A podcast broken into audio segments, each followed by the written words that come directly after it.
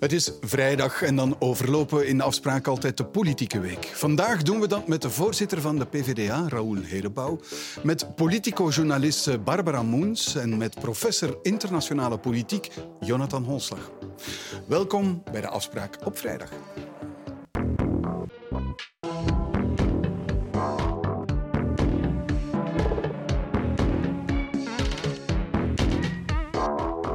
Goedenavond, professor Holslag. Nederlandse verkiezingen met een overwinning voor die boer-burgerbewegingen. Um, is het platteland in opstand gekomen in Nederland? Ja, ik denk inderdaad dat het uh, platteland zich al heel lang uh, toont uh, in, in Nederland omwille van stikstof, maar dat het platteland daardoor onrechtstreeks het gezicht is geworden, bij wijze van spreken, van een onvrede ten opzichte van Mark Rutte voornamelijk en, en, zijn regering, die ook al, al veel langer bezig is. Hè. Ik denk het stagneren van de koopkracht in Nederland is een van, de, een van de factoren die daar toch wel, wel zwaar weegt. En ook het feit dat heel veel mensen zich weinig gehoord voelen door een, een centrumpolitiek die ja, voorbij gaat toch wel aan een hele grote noden die de modale uh, Nederlander uh, ondervindt sinds een aantal jaren. Hè. Koopkracht is daar één uh, factor, factor dus het is van. breder dan boeren ja, alleen? Het, het, het, het, gaat heel, Nederland is een land dat het eigenlijk economisch supergoed doet. Ehm, toonaangevend in Europa op vlak van uitvoer, innovatie en industrie. Maar ik denk een van de fundamentele problemen is dat de afgelopen tien jaar de doorsnee Nederlander daar eigenlijk weinig van heeft kunnen profiteren. Uh, naar koopkracht ook steeds harder is gaan, uh, gaan, gaan werken, de druk heeft gevoeld, ondanks die oververzadigde uh, arbeidsmarkt. En dat speelt mee. En natuurlijk ook in Nederland, net zoals overal, samenleving verandert razendsnel. in, de, in de steden, ook op, op het platteland. En het onvermogen van de politiek om daarmee om te gaan, denk ik, komt hier voor een stuk tot uiting. Dus het is een, een evolutie die je overal in, in Europa ziet, die hier wordt getrokken door een hele zichtbare en hele ja. luidruchtige boerenbeweging. Een hele ja, assertieve boerenbeweging ook. Hè. Kijk maar naar de uh, uh, acties in, in Den Haag bijvoorbeeld op het, uh, op het Malieveld de, de voorbije, voorbije jaren. Maar het typeert wel dat uh, in heel Europa die centrumpolitiek het heel erg, uh, heel erg lastig heeft en dat mensen op zoek zijn naar alternatieven. Is het een blijvertje, die BBB, denkt u? Ik weet het niet. Ik, ik, ik, ken die beweging heel beperkt. Ik denk een beweging, politieke beweging, partij opstarten is één zaak. Uh, ze structureel maken is een andere, andere zaak. Maar ik denk wel dat die onderstroom een, een blijver is in, in Nederland en West-Europa bij, bij uitbreiding. Barbara Moens, Goedenavond. Um, stikstof, belangrijk verkiezingsthema daar in Nederland. Dreigt het ook te worden in, in uh, Vlaanderen. Leg nog eens even uit, wie legt ons eigenlijk die, die stikstofreductie op? Ja, het vertrekt inderdaad vanuit een Europese regels, hè, natuurbeschermingsregels. Maar je ziet dan wel dat in verschillende landen die toepassing daarvan anders is. Bijvoorbeeld Nederland en Vlaanderen zijn veel strenger als het uh, over stikstof gaat dan bijvoorbeeld Duitsland. Specifiek dan voor de, de drempels waar bedrijven zich aan moeten houden. Um, dat heeft te maken met bijvoorbeeld onze bevolkingsdichtheid, intensieve veeteelt, maar ook de manier waarop we historisch die natuurgebieden hebben, hebben afgebakend. En je ziet dat in die arresten die tot de hebben geleid in Vlaanderen en Nederland er wel ook altijd wordt verwezen naar die Europese wetgeving, maar er hangt wel meer aan vast. We hebben het onszelf aangedaan. Is, is dat de helft van de conclusie of de volledige conclusie? Uh, ik denk als we nu terugkijken op de beslissingen die er zijn gebeurd de afgelopen 10, 20 jaar, um, dat men nu andere beslissingen zou hebben genomen. Maar dat is natuurlijk gemakkelijk, gemakkelijk spreken. Uh, die arresten zijn er wel natuurlijk. Hè. Men moest iets doen, uh, zowel in Vlaanderen als in Nederland, om die rechtszekerheid te hebben. Um, en nu is het inderdaad de vraag of het in Vlaanderen evenveel zal meespelen als het de afgelopen week in Nederland ja. het geval is geweest. Goed. Goedenavond, Raoul Herenbouw. Um, verlies van de regering Rutte. Maar links profiteert daar niet van in Nederland.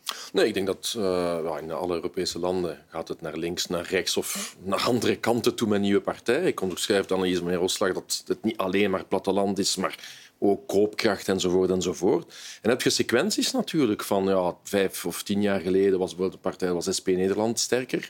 Nu zijn ze blijkbaar niet tevreden ja. met het resultaat van Ver, gaan van vier naar drie Verlies uh, ja, van, van één zetel voor, voor uh, de SPU-zusterpartij. Ja, ja, ja, dus in die zin denk ik ja, dat, waarschijnlijk zullen ze zich wel vragen stellen. Ik kan zeker niet zeggen hoe dat ze moeten doen. Ik denk wel dat de, de implanting op het terrein met de mensen mee zijn uh, en daar een zekere rebelsheid aan kunnen geven, mm. vind ik voor mezelf een belangrijke taak. Bijvoorbeeld in, in België, het gevoel dat er veel woede is bij de mensen, maar je moet daar iets positiefs aan kunnen geven, anders gaat dat naar alle kanten toe.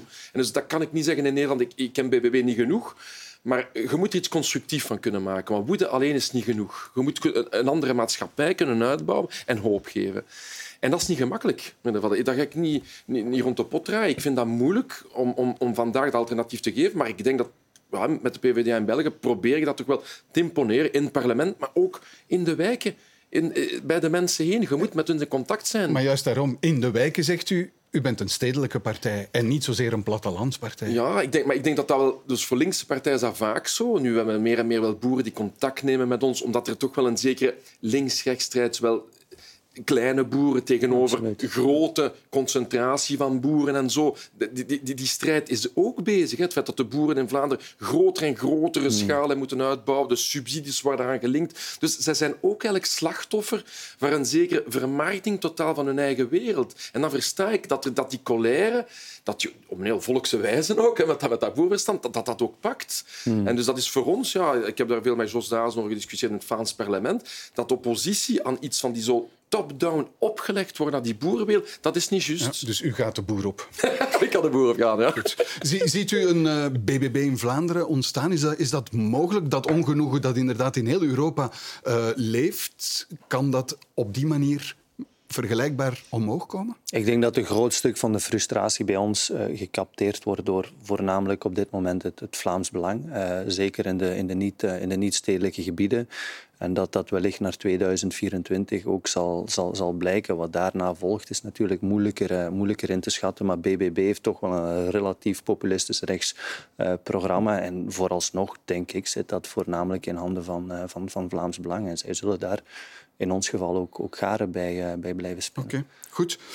Laten we dan even kijken naar de pensioenregelingen in de Kamer. Want niet alleen de regelingen voor de ambtenaren zijn onwettig, ook die voor de oud-voorzitters zijn nooit door een bevoegd orgaan goedgekeurd en overschrijden bovendien het plafond dat opgelegd is, de wet Wijnings, voor de hoogste publieke pensioenen. En het parlement probeert nu de bedragen, de vergoedingen, terug te vorderen. Y a une différence entre les fonctionnaires dont on parle, où là, clairement, c'était contre la loi, voilà. et par rapport au président de la Chambre, où c'est des montants qui ont été approuvés par le Parlement, par les parlementaires. Nu hebben we het rapport over de Kamervoorzitters. En daar wordt dus uh, gezegd dat de beslissing genomen is door een orgaan, 25 jaar geleden, dat die beslissing niet kon nemen. Dus ik denk dat dan uh, alle rode lichten aan moeten gaan. Hier, les services les avocats consultés par la Chambre ont confirmé qu'effectivement, non seulement les pensions de M. Braque et de Croo sont indécents, mais ils sont aussi illegaal. De federale pensioendienst behandelt dit dossier prioritair en neemt de nodige stappen. Laat ons duidelijk zijn dat zowel voor die topambtenaren als voor die oud-Kamervoorzitters die onrechtmatig verkregen premies moeten teruggevorderd worden tot de allerlaatste eurocent. Ja, mevrouw, mevrouw Moens, leg nog eens kort even uit. Hè. Wie kreeg wat? Ja, ik denk dat het misschien goed is om eraan te herinneren dat de Kamer zelf beslist over hè, die vergoedingen voor uh, parlementsleden, de ambtenaren, met het idee dat de Kamer onafhankelijk kan zijn tegenover de regering. Um, en nu is dus de afgelopen weken gebleken dat daar uh, pensioenextra's zijn geweest voor zowel de voormalige Kamervoorzitters als ook verschillende ambtenaren um, van de Kamer. En de Kamer probeert, gaat nu proberen om dat geld terug te krijgen, wat niet evident zal zijn.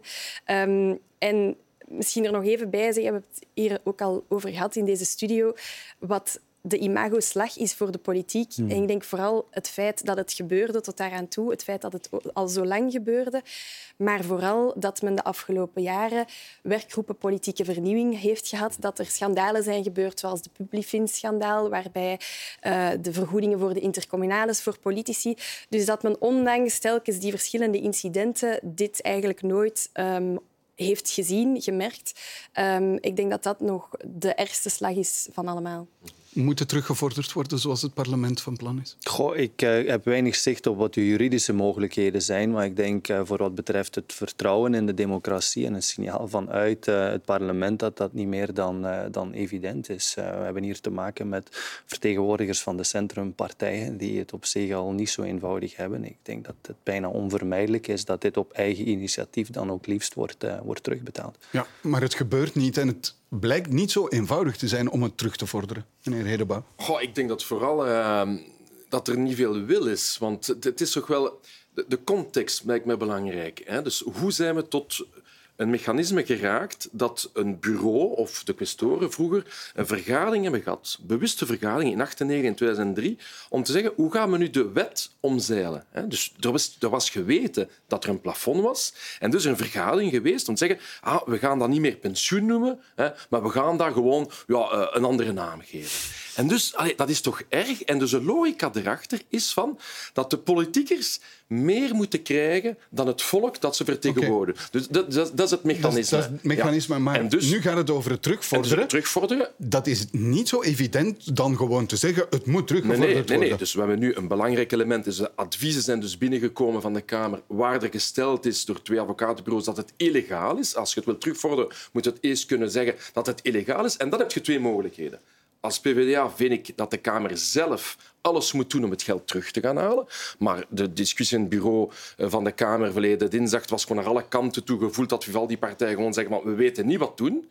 Ofwel, en dat zeg ik ook, moet de Kamer zelf naar parket gaan.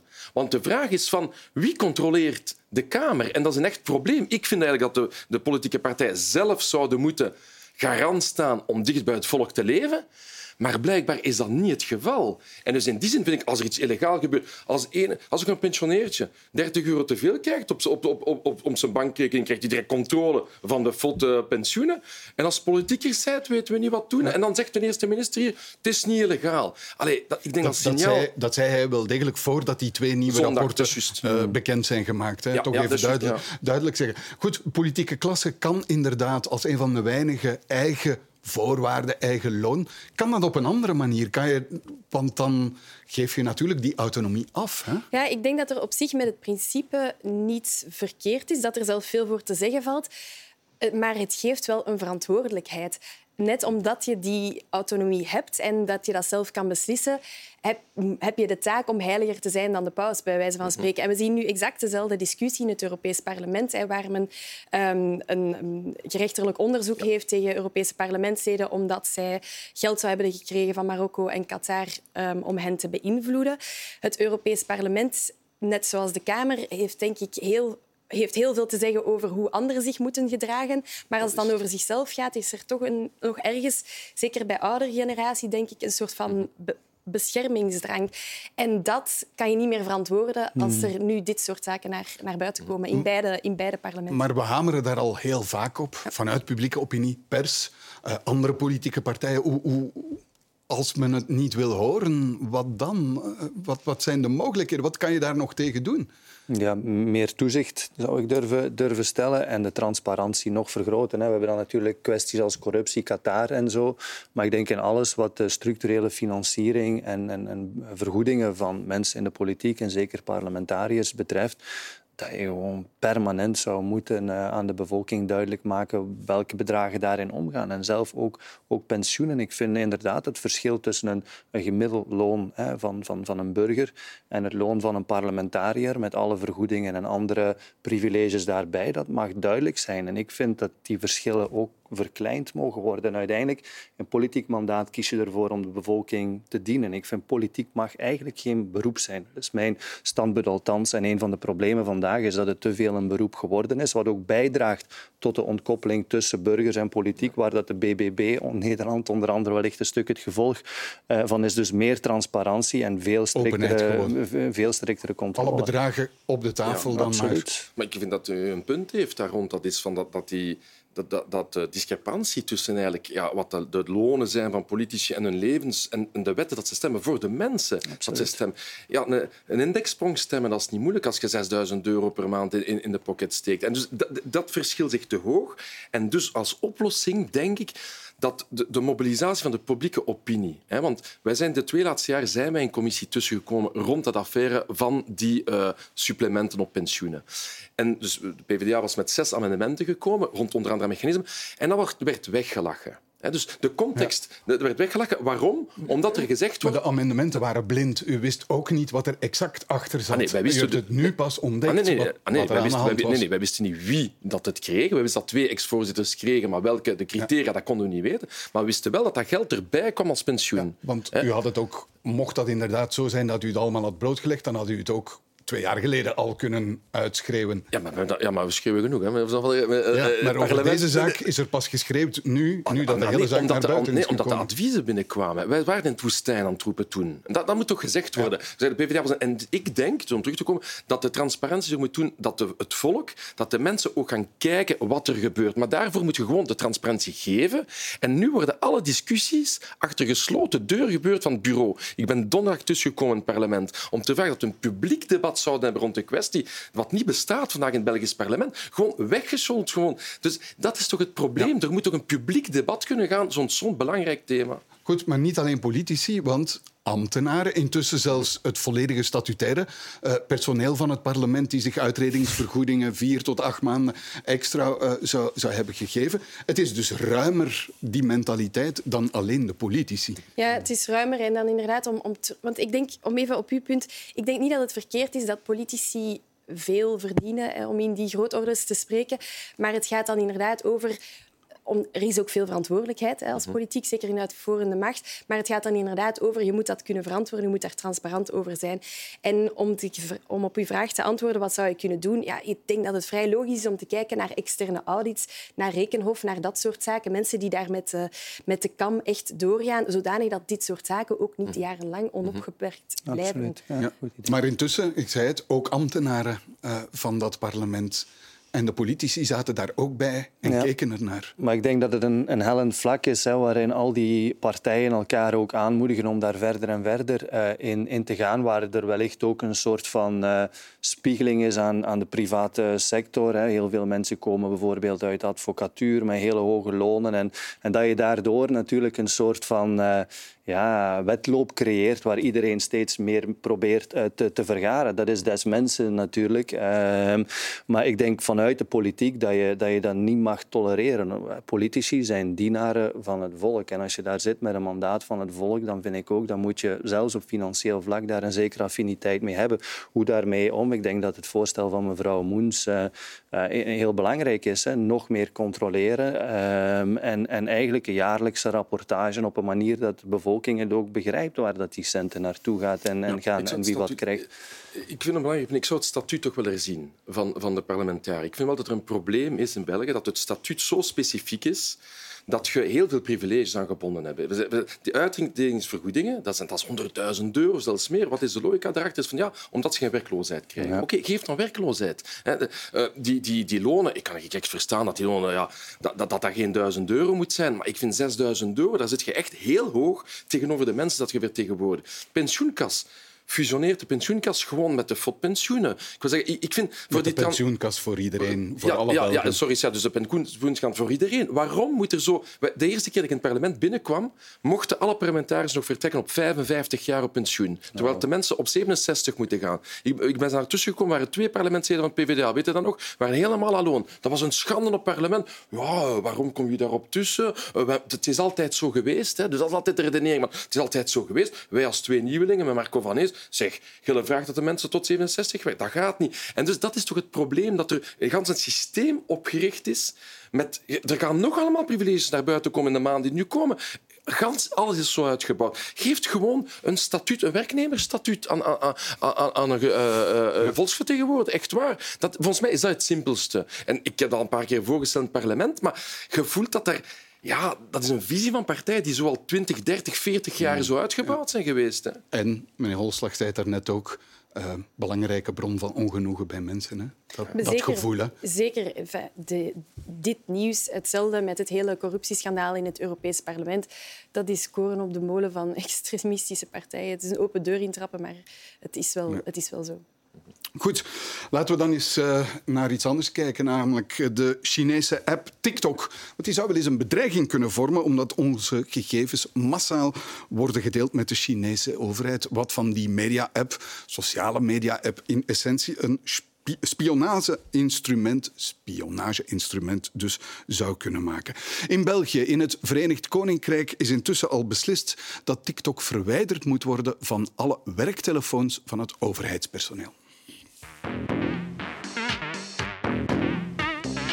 Mensen die voor de federale overheid werken, zullen binnenkort de Chinese video-app TikTok, als ze die hebben, moeten verwijderen van de smartphone die ze voor het werk gebruiken. TikTok kan gevaarlijk zijn omdat TikTok gegevens verzamelt van, van gebruikers. TikTok is in handen van een Chinees bedrijf.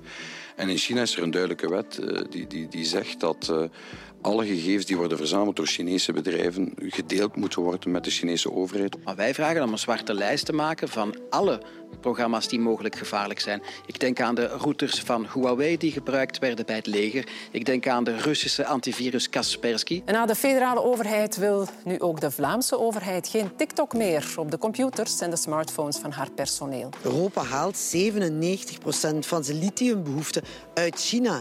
95% van de behoefte Europees van magnesium komt uit China. Dus we zijn veel te afhankelijk geworden van China. Tegen 2030 moet 40 procent van alle zonnepanelen, windmolens en andere vormen van groene technologie die in Europa geplaatst wordt, ook in Europa geproduceerd worden. Ja, meneer Hedebouw. TikTok van de werktelefoons verwijderen. Uh, goed idee? Ja, ik denk het niet. Um ik zou twee elementen willen aangeven. Dat topambtenaren, dat we heel specifieke functies en zo natuurlijk moeten opletten. Dat lijkt me evident. En dus dat een dubbel gsm is met een gsm met beveiliging en zo, lijkt mij evident. Oké, dus daar heb ik echt geen probleem mee. Mijn probleem is wel van, als men dan over gevaar heeft van globaal ambtenaren of zelfs politici en zo, dan denk ik van oké, dan zijn alle apps gevaarlijk. Dat is evident voor mij. Ik wil zeggen, de eerste schandalen zijn met Facebook gebeurd. Hè. Dus Facebook, ons gegevens, geen privacy bij Facebook. Hè. Dat is allemaal aangeduid. Schandaal, Snowden-files, de, de naam dat de, de, de Amerikaanse veiligheidsdiensten bezig zijn met al die apps enzovoort enzovoort. Dus dat is allemaal geweten. Facebook geeft gegevens door naar de Amerikaanse autoriteiten in bepaalde staten, omdat vrouwen zoeken achter uh, gegevens rond uh, abortus en zo. TikTok dus, doet hetzelfde. Voilà. Ja, dus dit, dit, is dat. Dus mijn probleem is effectief. Dus TikTok zal zeggen, ik zal hetzelfde doen, ben ik evident mee. Dus ofwel uh, verbied je gewoon alle apps, mm -hmm. oké, Instagram, Facebook, uh, uh, TikTok, ofwel geen. Maar ik heb wel moeilijk te begrijpen dat het nu alleen maar om TikTok gaat. En dan denk ik van, ja, eigenlijk is dat eerder een dus, economische zet. U hebt er geen, dus TikTok mag blijven en ook politici mogen op TikTok, bijvoorbeeld Jos Dazen, zeer populair, ja, uw partijgenoot Petra de Sutter, zijn nog Elio Di Rupo. Probeer ook, hè. Ik probeer ook. ja, ja. Uh, dus ja, op TikTok maar ja, blijven. Maar ja, maar ik, en dus dat, dat gevoelige functies een dubbele gsm hebben, ik denk dat trouwens dat dat al het geval is. Ik zou het heel erg vinden als men nu gezegd in België dat gevoelige functies Facebook op een, op een gsm hebben, of TikTok of nee, Instagram. het gaat over het, het volledige overheidspersoneel. Dus dat, dat wat, wat denkt u, vinden. meneer Holslag? Ik ga u misschien nu verbazen, maar ik denk dat spionage niet het grootste risico is van, van TikTok. Ik denk dat er voor onze politiek en democratie een groter risico uitgaat van TikTok en een aantal andere sociale media. En dat is de infantilisering van de politiek. Ik denk democratie moet als doel hebben om van kinderen burgers te maken en niet van burgers kinderen. En in dat opzicht heb ik een probleem met fora als TikTok. Ik denk heel belangrijk, de wereld wordt complexer, dat je ook verwacht van burgers dat ze de tijd nemen om die complexiteit te vatten. volta.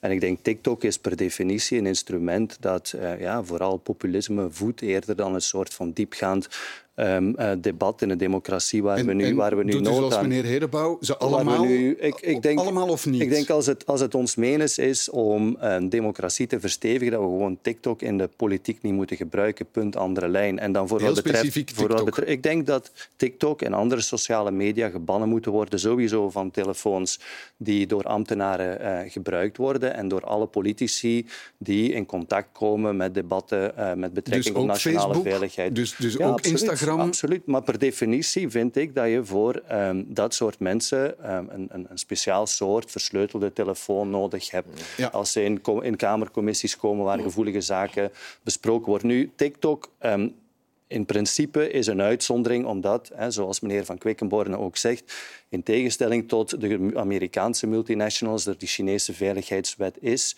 die TikTok dwingt alle informatie te delen met dus de Chinese toch gevaarlijker dan, dan Facebook en Meta? het, alle, alle digitale platforms kunnen gehackt, bespioneerd worden. In eh, het geval van China is dat heel formeel. We weten ook dat China, net zoals de Verenigde Staten, een grootschalig programma heeft om data te, te, te, te verzamelen.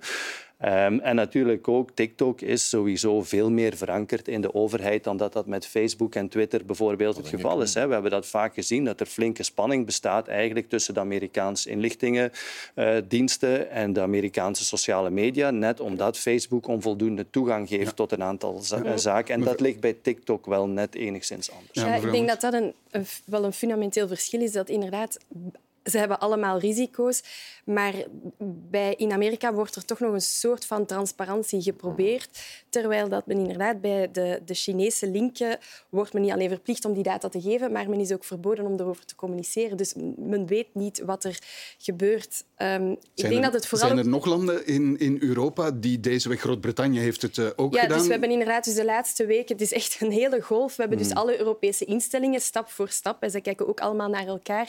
Um, alle Europese instellingen hebben het verboden. Ik denk dat we in Europa ondertussen aan een twaalftal landen zitten die het al hebben ingevoerd. Dus het is echt de, het ene land na het andere.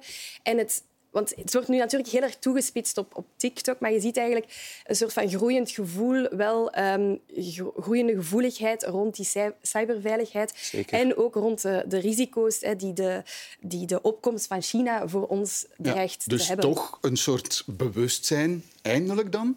Dat bewustzijn? Ja, ik denk dat dat heel terecht is dat we uh, ons meer rekenschap geven van het belang van dataveiligheid en ook dat we uh, beseffen dat er vanuit het perspectief van China toch een hele, hele sterke verankering is tussen de private en staatsbedrijven aan de ene kant en dan het regime, uh, regime daarachter. Dus ik denk dat het hoog tijd is dat we, dat we daarmee in het reinen komen. Ja. Ja, ik heb Bent u dan niet een beetje naïef door te zeggen van niks aan de hand? Natuurlijk, eh, in tegendeel. Want ik vind de naïviteit is van te denken dat de Amerikanen niet bezig zijn. Ik kom dan straks terug op TikTok specifiek. Maar dus de NSA, dus de inlichtingendiensten van Amerika, en dat is gewoon bewezen. Die hebben gewoon toegang tot al ons mails via al de mails die via Amerika gaan, kunnen uh, onderschept worden door de Amerikaanse inlichtingendiensten. Hè. Maar die Ons eerste, wacht, wacht, ik iedereen, ons eerste minister, ons, eh, de eerste minister van Duitsland, hè, eh, mevrouw Merkel, die is onder gewoon telefoontap gezet door de Amerikaanse inlichtingendiensten een paar jaar geleden. Dus in die zin, de Amerikanen zijn er gewoon aan het bespioneren. De comité, het eh, comité R in België, verleden week, rapport uitgebracht. Duitsland en Amerika hebben België 25 jaar lang bespioneerd. Dus ik zeg gewoon, ik heb er geen probleem mee met een discussie rond ons privacy verdedigen en ik ben daar echt een militant voor. Maar het is gewoon overduidelijk, ik had een beetje net tegen ze- zeggen, dat het initiatief dat vanuit Amerika vertrokken is vier maanden geleden om te zeggen oh, TikTok, dat mag niet meer, dat daar de hypocrisie zit, dat dat, er eigenlijk, dat dat eigenlijk een economische oorlog is. oké? Nee, Tussen ik- Amerika en TikTok. Want ik ga gewoon eindigen. Pak nu Twitter. Pak nu Twitter. Daar hebben we gewoon een eigenaar die gewoon beslist van wat er op Twitter kan of niet gepubliceerd worden. Dus in die zin, die kritische geest naar al die apps toe, en dat is dan mijn tweede punt waarop ik wil komen, van zijn die eh, apps een gevaar voor de democratie, ja of nee? Ik denk dat eh, als politieke activist, denk, je kunt daar goede dialoog hebben met de mensen, maar het hangt ervan af wat voor inhoud dat je erin zet. Daar ben ik totaal mee akkoord. In die zin kun je het populisme voeden. Ik probeer een maximum, ook met Jos en zo, om, om, om fondelementen te brengen. Je hebt heel veel dialoog met de mensen, maar op zich is dat een middel. dat is geen doel. In, in de fundamenten is het natuurlijk ook wel een beetje problematisch dat je zegt van kijk, hè, er wordt elders gespioneerd. En dat is zo. Spionage hoort bij de internationale politiek. Dus hè, laten we die TikTok wel passeren. Ik denk wat we vanuit Europa en België moeten doen, is een veel robuuster beleid om die dataveiligheid te garanderen. En vooral ook een investering in inlichtingencapaciteit bij onszelf. We doen dat nu een heel klein beetje, opdat we weten waar NSA en, en alle andere diensten mee, mee, mee bezig zijn. Dat is een hele belangrijke. Nu in het bijzonder, denk ik, vanuit, vanuit partijen blijft, en, en dat gaat echt voorbij de spionage, blijft het een heel problematisch feit dat de publieke publieke sfeer eigenlijk meer en meer verlegd wordt naar multinationale bedrijven. Ik ben er zeker van dat uw partij daar ook honderdduizenden euro's geld, geld in, in, Oh in, in pompt. Die gedomineerd worden door personen, door bepaalde belangen die er algoritmes op nahouden, die aan de polarisatie bijdragen. Dus zou dapperder zijn in plaats van te zeggen van we blijven vasthouden aan TikTok, want de Amerikanen, om te zeggen van ja, kijk, misschien heel die sociale media en de politiek moeten dat maar eens herdenken. en als de P van de A daar ooit de leiding in zou nemen, dan zou ik applaudisseren. Nu zeggen van we blijven TikTok doen, want de Amerikanen... maar ik wil dat, dat, dat vind ik een beetje gemakkelijk. Ik wil naar dat economische argument ook gaan, want uh, we hoorden ook, we zijn te onafhankelijk van, van uh, China en dus moeten we onze eigen productiecapaciteit in een aantal strategische domeinen uh, verhogen. Ja. Zijn we te afhankelijk van China? We zijn we zijn economisch zijn we bijzonder afhankelijk van China, te afhankelijk van China. Um, vandaar ook de initiatieven um, deze week uh, van de Europese Commissie, waarnaar werd verwezen. de, de, het hoofd van de Duitse inlichtingendienst, denk ik, zei van oké, okay, um, als Rusland, uh, als Rusland de, de storm is, dan is China de klimaatverandering. En het feit dat we nu het debat voeren, eerst over Huawei en nu over TikTok, is geen toeval. Hè. Dat wordt inderdaad, dat komt vanuit Amerika, dat past in die, in die strijd om, uh, om, tussen de grootmachten Amerika en China. En ik denk dat de komende maanden heel belangrijk gaan zijn in welke richting gaat Europa uit? Uiteraard zijn we, is, de, is Amerika een, een partner, een, eh, een ally. Um, zeker nu ook gezien de eh, oorlog in Oekraïne. We worden veel meer vanuit Amerika in het anti-China-verhaal ehm, gestopt. En de vraag die we ons nu als Europeanen moeten stellen is hoe ver gaan we daarin mee? Je kan dat enkel doen, je kan dat debat enkel volwassen voeren als je inderdaad die economische afhankelijkheid wat afbouwt, wat nu gebeurt. Um, maar dan nog is het wel een, een fundamentele vraag die Europa zich nu stelt. Want professor, wat is het probleem dat we economisch afhankelijk zijn van China? We zijn ook economisch afhankelijk van de Verenigde Staten. Ja, maar dat is zo. En wij zijn gewoon veel te veel oneven afhankelijk van die twee grootmachten aan de, aan de, aan de twee kanten. Als je kijkt nu bijvoorbeeld op vlak van uh, van, van energie, wat de impact is geweest van Rusland, de mate waarin we nu afhangen van, van, van, van Amerikaans gas. Op militair vlak bijvoorbeeld gaat wat voorbij-economie hangen we ook heel sterk af van, van, van de Verenigde Staten. Kritische aardmetalen dan weer China, heel veel consumptiegoederen China. Maar dat is voor een groot stuk onze eigen fout. Je kunt de Chinezen en Amerikanen niet kwalijk nemen dat ze hun, hun, hun belangen najagen. Dat doen alle bedrijven. Het is aan ons om te investeren, zoals mevrouw Moens zegt, in kritische infrastructuur, kritische in, eh, industrie, een stuk onze eigen mijnbouw te reshoren, onze energie en in datanetwerken ook uh, capaciteit Hebben we dat probleem ook niet op militair uh, gebied? Ja, dat, dat we zeer afhankelijk zeer, zijn? Maar dat is wat ik net, wat ik net zeg. Oekraïne, wat daar nu gebeurt, is dankzij de steun van de Verenigde Staten van Amerika en het feit dat Europa niet kan wegen in dat dossier is door het feit dat we zelf niet voldoende mm. investeren in, in, in, in onze krijgsmacht. En als ik dan lees in uw programma van oké, okay, we hoeven eigenlijk niet te investeren in onze krijgsmacht, we gaan niet mee in de 1,5 procent voor ons land, ja, dan draag je natuurlijk bij aan dat onevenwicht. Dan blijf je afhankelijk. Dus ik denk de voorwaarde om dat evenwicht zowel ten aanzien van de VS te herstellen als ten aanzien van China is zelf meer doen. Waarom wil u niet dat we daarin uh, in, in, investeren? Het gaat over onze veiligheid. Ja, ik vind dat een heel goede vraag. Ik, eh, ik vind dat mevrouw Moens goed gesteld heeft wat dat over de maanden nu gaan komen als strategisch vraagstuk gaan stellen voor Europa. Heb, hebt u een probleem met de NAVO? Zal ik het ja, zo... ja, maar dus ik ga direct opkomen, hè, want we hebben hier een beetje meer tijd op de afspraak op vrijdag. Dus we zitten, ja, we zitten in een moeilijke situatie waar voor de eerste keer sinds bijna 1918 de grote economische, politieke en militaire wereldmacht, de Verenigde Staten van Amerika, ingehaald wordt op economisch vlak door een andere grootmacht, namens China. Uh, en dat is nieuw en dat is gevaarlijk. We weten dat in de geschiedenis momenten waar grootmachten ingehaald worden door andere grootmachten de voedingsbodem creëren voor, voor wereldoorlogen. Oké, dat is wat er in 1445 gebeurd is, maar in 1418. Dus er stelt zich een strategische vraag met die herschikking van de wereld naar China toe, maar ook naar India toe, maar ook naar andere landen. Wat gaat Europa doen? Ik vind dat Europa zijn eigen koers moet volgen. En dat is natuurlijk mijn kritische stem, als men gezegd heeft ja, je bent anti-NATO enzovoort en zo. Ik wil vooral dat Europa een onafhankelijke koers in die multipolaire wereld meeleeft. Want we, we, hebben het over economische uh, onafhankelijkheid, heel belangrijk punt. Wat gebeurt er vandaag?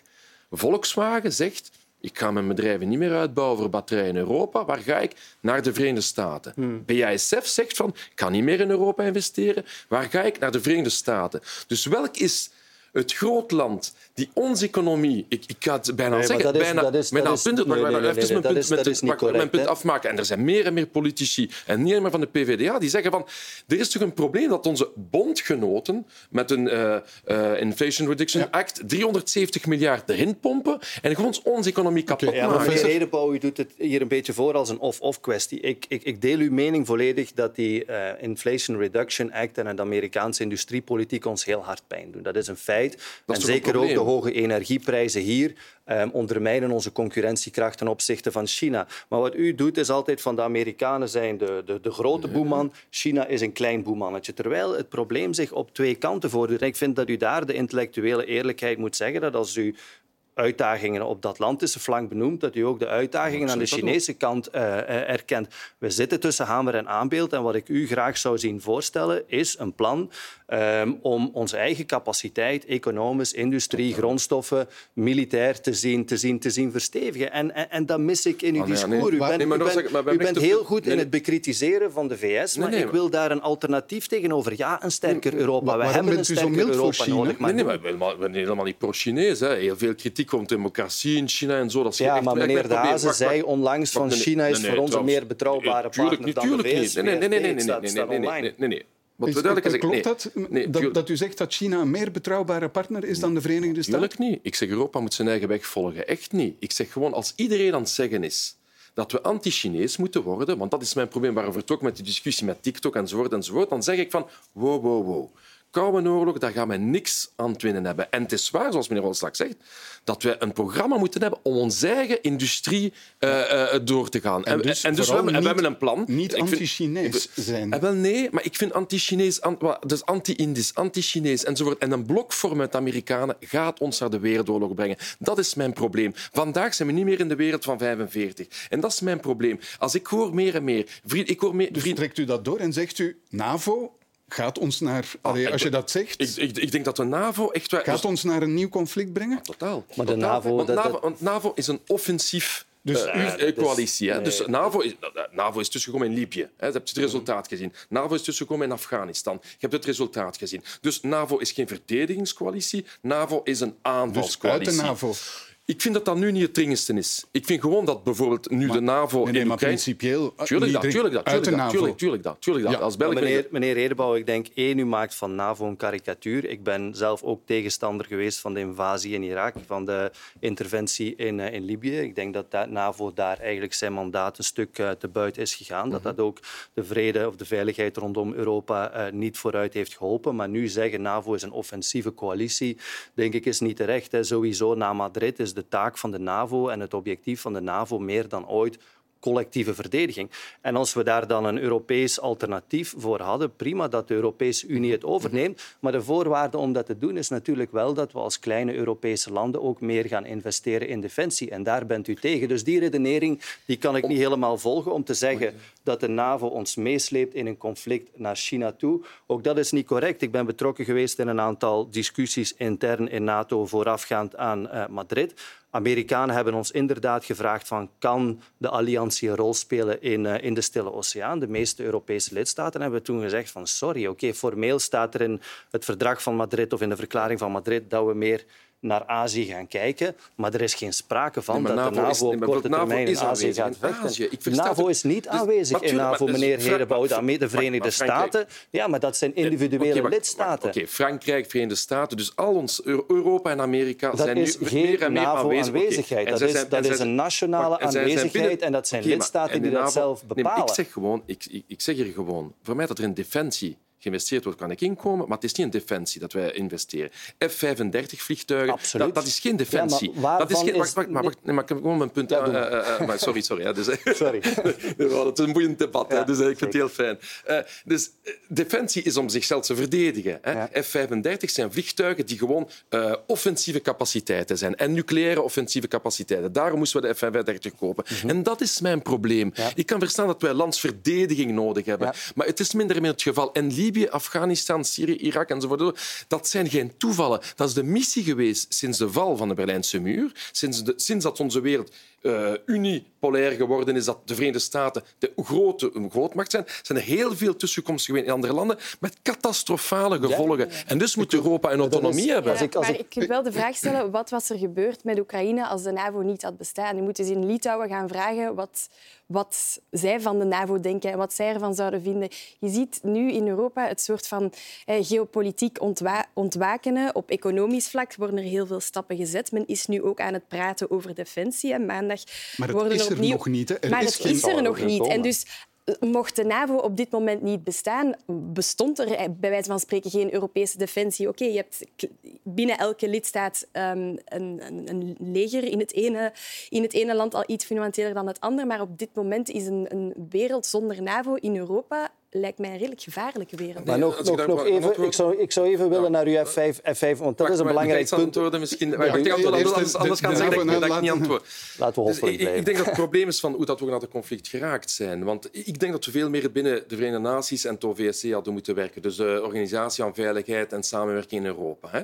Dus je hebt twee grootmachten. Enfin, Europa Rusland en dan Amerika. Maar, maar heel concrete okay, vraag. Dus heel, heel concreet. In Oekraïne, wat zouden we dus, gedaan hebben zonder de NAVO? Dus ik denk dat Oekraïne een neutraal statuut had moeten houden. Want dat is het probleem van hoe dat we naar de oorlog zijn geraakt. Dat is de discussie van wat zijn de maar neutraal statuut, dat betekent gewoon dag met het handje en Rusland komt nee, nee, binnen. Nee, nee, nee, nee, dat is niet waar. Dat is niet waar. Ik wil zeggen, sinds, sinds, tweede, sinds de val van de Berlijnse muur was er een, een overeenkomst tussen Rusland, Europa en de NAVO om te zeggen NAVO gaat niet uitbreiden naar het oosten.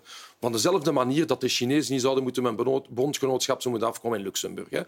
Als er is een, een pro-Chinese partij aan de macht komt in Luxemburg en die komen dan met, met Chinese militairen en, en met, met uh, bommen naar Brussel meneer, toe, dan zou het een schandaal zijn. Dat zou een schandaal zijn. Dus ik wil gewoon zeggen, het idee dat grootmachten en gans de conferentie van Helsinki in de jaren 70 was daarop gebaseerd van dat er een evenwicht moet zijn. De wereld is veranderd, hè, en, dat, en, en dat maakt de wereld ook gevaarlijker. Ja.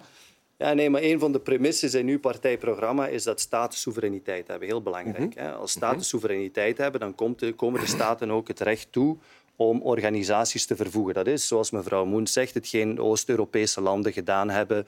Uh, zij hebben zich kandidaat gesteld om, om de NAVO te vervoegen. Wij hebben uh, hen daar niet toe gedwongen. En er is zelfs meer. U, u karakteriseert nu de NAVO als een offensief bondgenootschap. Maar wat is er in de jaren negentig gebeurd? Inderdaad, er zijn pistes gecreëerd in de richting van de Organisatie voor Veiligheid en Samenwerking. Maar de alliantie die zich het eerst heeft uitgebreid naar het Westen, is de Russische alliantie geweest, de Central Security Treaty, uh, Organization of the Central Security um, Treaty. Dus Rusland heeft eigenlijk veel eerder dan dat de NAVO, Polen, Tsjechië en al die landen er heeft bijgenomen, landen als Belarus, Armenië, Georgië in zijn invloedssfeer getrokken. Wat natuurlijk die landen in Oost-Europa, ook Oekraïne, heeft aangezet van oh mensen, wij, wij moeten daarop maar reageren. Dus was uiteindelijk... tegen Rusland. Nee, hè? Nee, maar, dan ben ik ook vaak tegen Rusland nee, en Poetin dus tussen gekomen. Zonder NAVO, zonder NAVO, wat zou het geweest zijn? daar in Oekraïne? Ik denk zonder, zonder, zonder de NAVO waren, maar niet noodzakelijk zonder de NAVO, maar zonder de Verenigde Staten van Amerika. Want laten we wel wezen, de, de Europese NAVO-lidstaten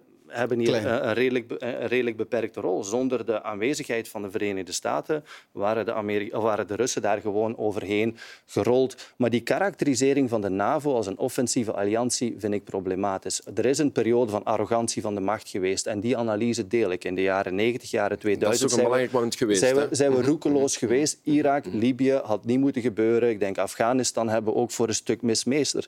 Maar als u dan zegt van oké, okay, F-35 is een offensief wapen, dat is voor een stuk ook zo. Maar in de oorlogvoering van vandaag bestaat dat verschil tussen offensief en defensief niet meer.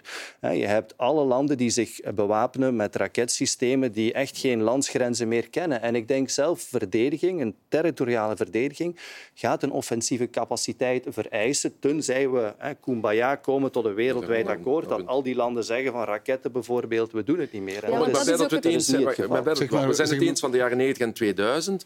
Maar ik vind vandaag moeten we een vredespolitiek hebben. Want het eerste wat ik, eh, wat ik van denk is van ik geloof niet dat de wapens het gaan kunnen oplossen en in Oekraïne en andere leden van het Maar een vredespolitiek en dus, op dit dus, moment met een invasie, is dat niet een beetje naïef, nee, nee, nee, maar daarom denk ik... Nee, nee, ik vind als er landen zoals Indië... Zoals, wij, wij moeten, Europa moet weer geloofwaardigheid zijn op vlak van diplomatisch vlak. Dat is mijn probleem. We hebben nog altijd niemand aangeduid in deze bent, oorlog... Bent, bent... Ik heb nog niemand aangeduid in deze oorlog om gewoon proberen te onderhandelen. Ja. Er was een beetje een akkoord verleden jaar rond uh, alles wat uh, granen waren enzovoort. Ja. enzovoort. Er moet een onderhande oplossing komen. Want anders, ik zeg het gewoon, Waar gaan we stoppen? Maar is dat niet de switch waar we nu zitten? Dat de Europa heeft heel lang geprobeerd om te werken met soft power. En nu merkt men, het lukt niet. We moeten terug voor een deel naar die hard power. Zowel economisch, zodanig dat je inderdaad uh, niet die economische onafhankelijkheid, maar ook militair. Als we zouden stoppen met...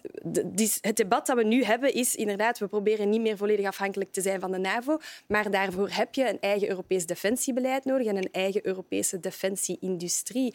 Ik, dat is net het, uh, de conclusie in Europa die men na dit jaar trekt. Maar twee punten. Ik ben voor onze industrie en voor een, eh, voor een industrieel plan voor Europa. Ik vecht er alle, alle dagen voor. Ik hoop gewoon dat de overheid moet het meer doen. Ik geloof niet dat de markt het kan oplossen, maar dat is, een, dat is een ander debat.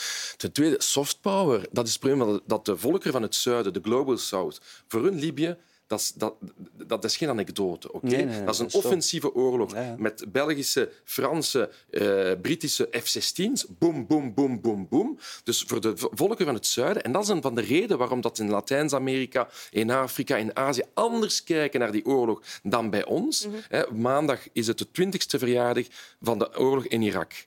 1,5 miljoen Irakezen zijn gestorven onder die bommen. Voor de volkeren van de wereld stellen zij zich de vraag, en ik vind dat terecht, waarom zeggen jullie niks tegen degene die die bommen heeft gestuurd voor een internationaal gerechtshof, meneer Bush onder andere. Maar goed, omdat er 1 miljoen... En dus denk ik, ja, maar dat heeft de chaos gecreëerd in Syrië, in Afghanistan, nee, nee, nee, heeft in, in Irak. gecreëerd in Syrië. Ah, nee, Irak bestond niet meer. Nee, nee, maar het conflict van Syrië denk ik, heeft andere oorzaken dan, uh, dan de chaos in, in, in, Libië nu. Los daarvan, de vraag is, hè, wat doen we nu? We kunnen terugblikken en ik denk dat we daaruit onze fouten moeten leren. En dat inderdaad, zoals u zegt, het globale zuiden een stuk frustratie heeft opgebouwd door interventies in, uh, in Libië.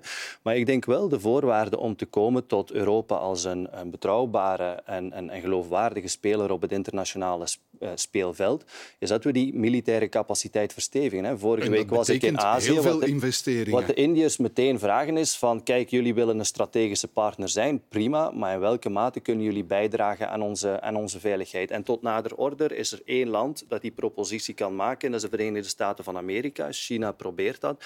En wij zitten daartussenin. Die Koude Oorlog, helaas, is een feit. En ik vind die bijzonder, ik vind die bijzonder, ik vind die bijzonder akelig. De Amerikanen zijn zich aan het ingraven, de Chinezen zijn zich aan het ingraven. En los van de vraag wie daar nu de goede of de slechte in is, dat is een realiteit. Mm. En als wij dan eenzijdig gaan zeggen van oh ja, kijk, we gaan voor een pacifistisch of een vreedzaam activistisch internationaal u, u beleid, dan komen we van een hele kale kermis terug. Wij zijn verantwoordelijk voor de veiligheid van onze bevolking. En die vergt heel veel dingen. Een goed werkende democratie, stevige industrie, maar ook een stevige defensie u vindt de PvdA naïef? Ik denk dat de PvdA een stukje een pacifisme heeft. En op zich vind ik dat nobel. Maar we mogen natuurlijk de pacifistische idealen niet met de realiteit van de internationale politiek verwarren. Maar rond dat punt, het is juist omdat ik niet naïef wil zijn. Hè? Want de, de, de situatie nu, ik denk dat we nog, nog niet in koude oorlog zijn. We zitten er midden in, meneer ik denk, ik denk dat Europa... Nee, in die, maar daar zit het cruciaal punt waar Europa het verschil kan maken. Ik denk dat Europa vandaag, dat we zijn daarmee eigenlijk begonnen, het debat, was het debat van rond TikTok enzovoort, enzovoort, is het debat van gaat Europa gewoon meegaan met een unipolaire wereld? Of gaat Europa, en Europa kan een geloofwaardige rol spelen, mhm. maar naar het hand toestrijken naar alle andere grote en middel- en kleine landen. Mhm. In die zin, dus niet alleen maar de Verenigde Staten. En dat is wat ik band ben voor het moment. Is dat wel, mhm. Wij zijn gewoon totaal, totaal in de band van de Verenigde Staten, ook economisch terug aan het komen. Terwijl dat die autonomie met China, met Indië, met Zuid-Afrika, met Brazilië, wij moeten alle een multipolaire wereld. En dus, en dus, en dus gewoon, oorlog, gewoon, eh, tot oorlog, meer wapens, volgens mij, gaat ons naar een totale oorlog brengen. En daar ben ik bang van. Ik ben daar ook bang van, eh, voor alle duidelijkheid. Volgende week is er een ontmoeting tussen Xi Jinping, de Chinese president, en Poetin. Ehm, moeten we daar dan bang van zijn? Uh, ik denk dat we dat inderdaad zeer goed in. Ze, ze, de Chinezen spelen het slim in die zin dat in diezelfde week er ook een, een video-ontmoeting komt met uh, Zelensky, de, de Oekraïense Uh, ligt nog niet vast. Ligt nog niet vast, maar wordt verwacht, inderdaad.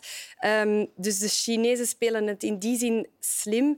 Um, ook omdat ze heel goed weten dat het Westen heel erg aan het kijken is naar wat men aan het doen is. Vooral rond potentiële wapenleveringen um, van, van de China naar Rusland. Hè. Dat zou een, een rode lijn zijn die, die de Verenigde Staten zouden aangrijpen om, om ook naar nieuwe sancties te gaan. Ik denk dat wat de Europese positie betreft, dat het debat echt nog niet gevoerd is. Je voelt ook heel veel andere landen, India, inderdaad Global South, heel erg aan het trekken van laat u niet meesleuren in die, mhm. die, in die koude oorlog tussen, uh, tussen de VS en, en China. Nog economisch met het protectionistisch handelsbeleid, nog militair. Um, maar je zit wel in een dynamiek en er komt heel, heel veel druk vanuit de Verenigde Staten op Europa. Dat zagen we rond de chips. Dat gaan we zien op het moment dat er iets met Taiwan gebeurt. En het is heel moeilijk voor Europa op dit moment om die strategische autonomie uh, om dat uh, vol te houden. Goed, daarmee zijn we aan het einde van deze afspraak op vrijdag. En uh, daarmee is ook meteen weer een politieke week netjes neergelegd. En zoals altijd dank ik mijn gasten voor de deskundige hulp daarbij. Raoul Herenbouw, Barbara Moens en Jonathan Halslag. En u, dames en heren, dank dat u er opnieuw bij was. En tot volgende week.